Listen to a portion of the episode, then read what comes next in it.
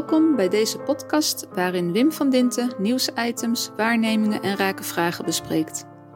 Veel zaken worden pas echt interessant als je dieper graaft en daar kom je altijd een laag van betekenisgeving tegen. In de podcast van deze week hoor je het audiospoor van de vlog van Wim van Dinten, waarin hij vertelt hoe je nu het gevoel krijgt dat alles op de schop gaat en tegelijkertijd steeds meer instellingen, organisaties en de politiek geen antwoord hebben op de vraagstukken van deze tijd. Er ligt maar één conclusie voor de hand. We moeten op zoek naar een nieuwe, allesrakende wereldbeschouwing. Ja, goedemorgen. Het is donderdag 27 mei. Als je de week terugkijkt, dan zie je dat er zoveel zaken langskomen dat je eigenlijk niet goed weet waar je moet beginnen. En tegelijkertijd vraag je je af waar dat voor staat. Want er elke week weer zoveel dingen langskomen die in de aandacht vragen en, en eigenlijk allemaal een enorme diepte hebben. Of rijkwijde hebben, of je bezorgd maken, of je het gevoel van hopeloosheid geven. Ik kreeg deze week twee mensen langs die en de een zei, ik, ik, ik stop ermee om naar de politiek te kijken en wat er allemaal gebeurt. Want het ontnemen de adem en, mijn geluk. Ik leef verder mijn eigen leven wel en ik denk er niet meer over na. En iemand anders die zei, nou, ik heb genoeg aan mijn huis en mijn tuin, want ik, ik kan het niet meer meemaken wat er allemaal gebeurt. Het gaat zo in tegen wat ik van belang vind, dat, dat ik het niet meer kan verdragen. En, en er zijn heel veel mensen die dat zeggen. Soms relateren ze dat aan corona, wat kan. Maar die twee mensen hadden het niet over corona. Die hadden het over het feit dat er zoveel gebeurt waar ze aandacht voor moeten hebben, of waar de aandacht voor gevraagd wordt. En wat tegelijkertijd laat zien dat allerlei organen en organisaties niet meer werken. Of dat er nog steeds situaties ontstaan waarvan je denkt, hoe is het mogelijk? Ik, ik moest dan denken aan bijvoorbeeld en dan kijk ik maar even verder dan Nederland, aan wat er gebeurde bij de BBC, die wereldwijd toch gezien wordt als een organisatie die voorbeeldig is en objectief zou zijn. Want vorige week werd duidelijk dat het interview wat Bashir gehouden had in 1995 met prinses Diana, dat dat was ingestoken met valse documenten. En dat hij erop uit is geweest om iedereen in haar omgeving um, verdacht te maken, en ook Buckingham Palace verdacht te maken, zodat het effect ervan was op haar dat ze niemand meer durfde te vertrouwen en eenzaam werd. Wat ook haar leven heeft gekost, zeggen dan degenen die haar hebben gekend in die tijd. Daar werd over gereclameerd destijds binnen de BBC en het is onder de zoden gestopt. En dat kwam er dan nu opnieuw weer uit, maar nu met harde vragen hoe de governance in de BBC eruit ziet. En er is al lang kritiek op de BBC Jimmy Savile in 2010, maar ook dat ze steeds bezig zijn met wat er in Londen gebeurt en in Westminster gebeurt en, en niet wat in de samenleving gebeurt. En, en, nog weer wat later deze week, Dominic Cummings, de ex-adviseur van Boris Johnson, die een boekje opendeed over de periode dat hij adviseur was binnen Downing Street. En vertelde hoe het in corona aan toegegaan was en hoe, er dan, hoe die regering die er nu is dan opereert. En je kunt eigenlijk niet voor andere conclusies trekken dan dat er een aantal minkukels in Downing Street 10 zijn. Met Boris Johnson die opstaat en zegt, nou, wat zal ik vandaag weer eens doen? En, en Hancock, de minister van Volksgezondheid, die om 15 redenen zou hebben kunnen worden ontslagen. En Dominic Cummings die zei, we, hebben, we waren onvoorbereid en, en dachten dat het niks was. Johnson wilde zich zelfs voor de televisie laten infecteren. We hebben geen idee en dat heeft tienduizenden levens gekost. En ook ik heb gefaald. En dan zie je in Nederland foto's met mensen die voor de verkiezingen er ook al de lakens uitdeelden en die nu samen een regering moeten vormen en die bij de formateur zitten. En het hebben over een herstelplan. Dan bedoelen ze een economisch herstelplan om ondernemingen weer van de grond te trekken. En tegelijkertijd zie je dat de rechter Milieudefensie gelijk heeft gegeven en Shell verplicht om meer werk te maken van de reductie van CO2. Daarbij mag Shell CO2 best onder de grond stoppen, Het is geen harde verplichting in de zin van dat ze iets eh, heel anders moeten gaan doen. Nee, het is uh, zorgen dat de doelstellingen gehaald worden om minder CO2 voor te brengen. En dan mag je het ook in de grond stoppen. En de regering wil daar dan 2 miljard ook nog voor geven om die CO2 ook echt af te vangen en in een grote put stoppen.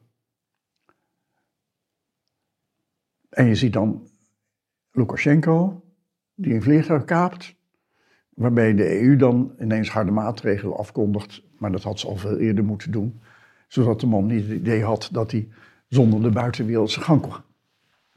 Dus wat, wat je ziet is, en zo kan ik nog wel even doorgaan, wat je ziet is dat er zoveel tegelijkertijd gebeurt wat tegenstrijdig is. Dus een herstelplan van de regering en de rechter die zegt dat Shell niet verder mag gaan op grond van het feit dat de Nederlandse regering het klimaatakkoord van Parijs heeft getekend. Als dat zo is, wanneer kom ik dan als burger aan de beurt? Omdat dan vanwege dat akkoord in Parijs ook aan mij kan worden gevraagd mijn CO2-uitstoot en mijn gebruik van fossiele brandstoffen en mijn gebruik van energie te reduceren. Wanneer ga ik boven de grens die dan iemand stelt? En je ziet plotseling dat je, dat je dan als burger ineens kan worden aangepakt door een juridisch regime die, die daar nooit voor bedoeld is geweest. En, en doe je dan nog een paar stapjes erbij, dan zie je dat in China bij de Oeigoeren AI wordt gebruikt op een manier dat die mensen worden herkend. En dat ze actoren zijn in een systeem en dat ze kunnen worden gecorrigeerd. En dat die technologie vanaf nog twee, drie jaar verder ook in, in de westerse landen beschikbaar is. En je ziet daar al elementen van opkomen. Dat landen zeggen, nou, wij moeten de structuur van het land bewaken en de, de toestand van het volk bewaken en alles controleren. En dan is AI dan natuurlijk een gouden greep, want dan, dan kun je nog beter weten hoe je mensen, wat mensen doen en hoe je ze zou moeten corrigeren. En, en je ziet dus ook dat er voortdurend een stapje wordt gezet naar juridisering en tegelijkertijd dat we ervaren dat we er daarmee niet komen. En dat stapje zetten naar juridisering loopt al heel lang. Eigenlijk al zo'n twintig jaar na de oorlog, Tweede Wereldoorlog, zag je dat opkomen. Dat het idee was dat de samenleving niet gedragen kon worden door uh, sociale mensen, door sociale constructies, want dat had de Tweede Wereldoorlog wel laten zien. En dat het recht de samenleving zou moeten dragen. En je, en je ziet dan ook, zeker in Nederland, dat de rechter voortdurend um, elk probleem wat wordt voorgelegd accepteert en zich nooit niet ontvankelijk verklaart. Nooit. Alles, alles moet in dat juridische kader. Nou is dat juridisch kader is rechtsgrondslag en dus rationeel. Is een bedacht construct die je dan gebruikt en overheen legt. En tegelijkertijd zie je dat de problematiek waar het nu om gaat, gaat over het milieu. Want het klimaatakkoord heeft natuurlijk te maken met het milieu, opwarming van de aarde, waardoor het leven vernietigd wordt. Niet alleen het waterpeil stijgt, maar allerlei, allerlei dieren en diersoorten zullen daarbij het loodje leggen. En wat denk je van het gebruik van glyfosaat? En wat denk je van het gebruik van allerlei andere middelen die aan beesten worden gegeven en ook aan onszelf? De, de, essentie van de klimaat is, klimaatcrisis is dat die opwarming staat voor het feit dat we niet omgaan, goed omgaan met onze omgeving. En dat we dat denken op te lossen door rationele constructies te doen, bijvoorbeeld minder CO2. Maar ja, we vissen de zee leeg. En we gebruiken allerlei insecticiden. En we gebruiken allerlei medicijnen die, als, als we zo door blijven gaan, ook onszelf zullen aantasten. Het, het, is, het klimaataspect is maar een aspect, een uitkomst van ons gedrag, hoe wij met de wereld omgaan. En je ziet natuurlijk ook dat als wij ach en wee roepen en zeggen dat het niet goed gaat, dat er bijna altijd een morele grondslag onder zit. Maar ja, als je die morele grondslag hebt in de hoek gezet en je denkt dat alles juridisch moet en dus rationeel, dan ben je ook die sociale draagkracht kwijt. En natuurlijk mag je ook uitgaan van jezelf. En dat zie je dan ook. Alle beleggers die bij Shell zitten, die denken toch echt ook aan de opbrengst van hun aandeel. Dividendbelasting hebben we al lang afgeschaft. En een herstelprogramma waar de mensen in Den Haag niet meer bezig zijn in de politiek, staat toch als het ware haaks op de uitspraak van de rechter.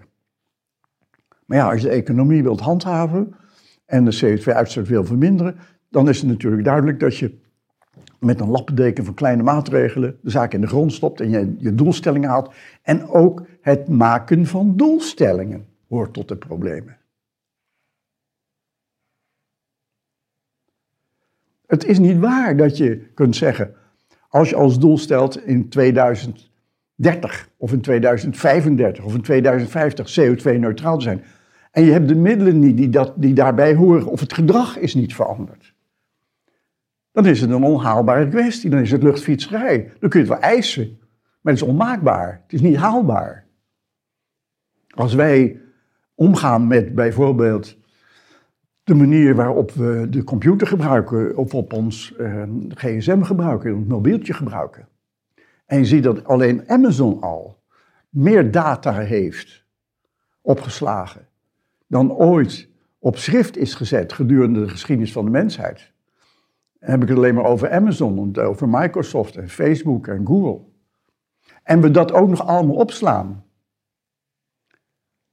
En we denken dat dan ook nog te vergelijken met al die waardevolle documenten die geschreven zijn. Terwijl bij Amazon het gaat over uh, connecties, verbindingen, relaties, waar ze een profieltje van maken om beter te kunnen adverteren. En dat leidt tot hele grote centra met data die al onze groene energie opsoeperen. En wij niet in staat zijn ons gedrag zo aan te passen, of die bedrijven te corrigeren, dat de energieconsumptie omlaag gaat. Dan zie je dat er iets mis is, niet met een verschijnsel, wat alleen Dominique Cummings eh, vertelt, of alleen een herstelprogramma in Den Haag, of een uitspraak van de rechter, of wat er gebeurt in, bij Lukashenko in Wit-Rusland, of dat meneer Biden alsnog weer verder conflict zoekt met, met China, of ga maar door. Nee, wat er weg is, is dat we geen raad weten met de problemen van deze tijd. Hoe weeg je nou onze omgang met het milieu? Hoe weeg je nou onze omgang met elkaar en hoe we daaruit een moreel gezag ontwikkelen, wat bruikbaar is? Wat is dan de plek van het recht daarin? Welke positie mag ik zelf daarin betrekken? En wat is dan de samenhang van al die zaken? En, en je ziet dat de regeringen daar niet meer uitkomen. Die zijn geschoold op een manier van denken en doen die niet past bij de problemen die we nu hebben. En in die verhalen die ik nu houd, gaat het eigenlijk steeds om al die nuances die er te doen en die van betekenis zijn en die je mee moet wegen en mee moet nemen. En die nuancering, kijk maar in de media, die valt steeds weg. Terwijl het daarom gaat. Dat je in de nuancering herkent welke betekenisgeving eronder zit. En wat er voor jou en voor anderen toe doet. En wat er voor het leven toe doet. En hoe je daar rekening mee houdt. Als je naar de media kijkt, komt men niet veel verder dan een of ander rationeel betoog. En hoe jij of iemand anders erin kan zitten. Of hoe erg het is. Kijk nou bijvoorbeeld naar het journaal. Het ene moment gaat het over een enorm ongeluk. En het volgende moment gaat het over een feestje in Monnikendam. Om maar eens iets te noemen. En daarmee is elke ernstige kwestie net zo belangrijk geworden als elk feestje. Of als je kijkt hoeveel tijd er gaat naar sport. En hoe weinig tijd naar de nuance en hoe dat gedragen wordt. Dan laat het zien in ons gedrag van de media en de organisatie van onszelf. Dat wij geen raad weten met de problemen die op ons afkomen. En dan zoek je naar milieubewegingen die proberen nieuwe onderwijsprogramma's te vinden om mensen op te voeden op een manier dat het milieu ertoe doet en dat het sociale het gewicht krijgt. Maar nee, men zoekt nu naar machtsmiddelen, zoals de rechter, om op een of andere politiek gemotiveerde manier tot een ingreep te komen die, als je er naar kijkt, niet het probleem echt oplost, maar alleen een doel haalt wat in een CO2-uitstoot is gesteld. En dan zie je Urgenda die de staat heeft aangeklaagd en ook nog van de rechter gelijk heeft gekregen. En die zegt de doelen worden niet gehaald en dus moet er dan een boete worden betaald. Aan wie dan? Aan wie dan? Voor wat dan? Zo beschouwd zijn al die zaken die ik nu noem, richtinggevend voor het feit dat we zoeken naar een nieuwe, allesrakende wereldbeschouwing die voor iedereen opgaat. Waarbij alles wat er voor het leven toe doet, gewicht krijgt wat het moet hebben. Waarbij de verwaarlozing van een milieu, de negatie van wat in evolutie ontstaat, ook in de katholieke kerk is terug te vinden.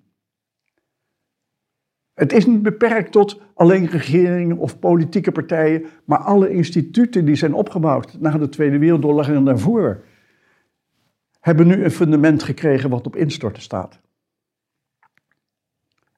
En ja, het zoeken naar die nieuwe, grondlegende daarstelling, om het eens in Duits te zeggen, dat vraagt een heel ander beleid en een heel andere opstelling.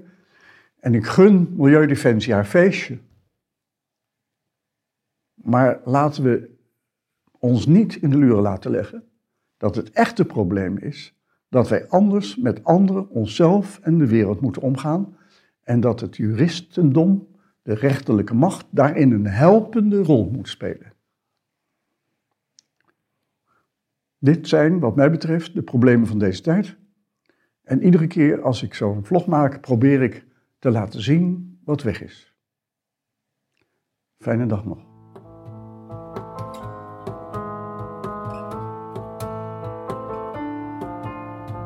Ben je nieuwsgierig geworden naar de vlog van deze podcast?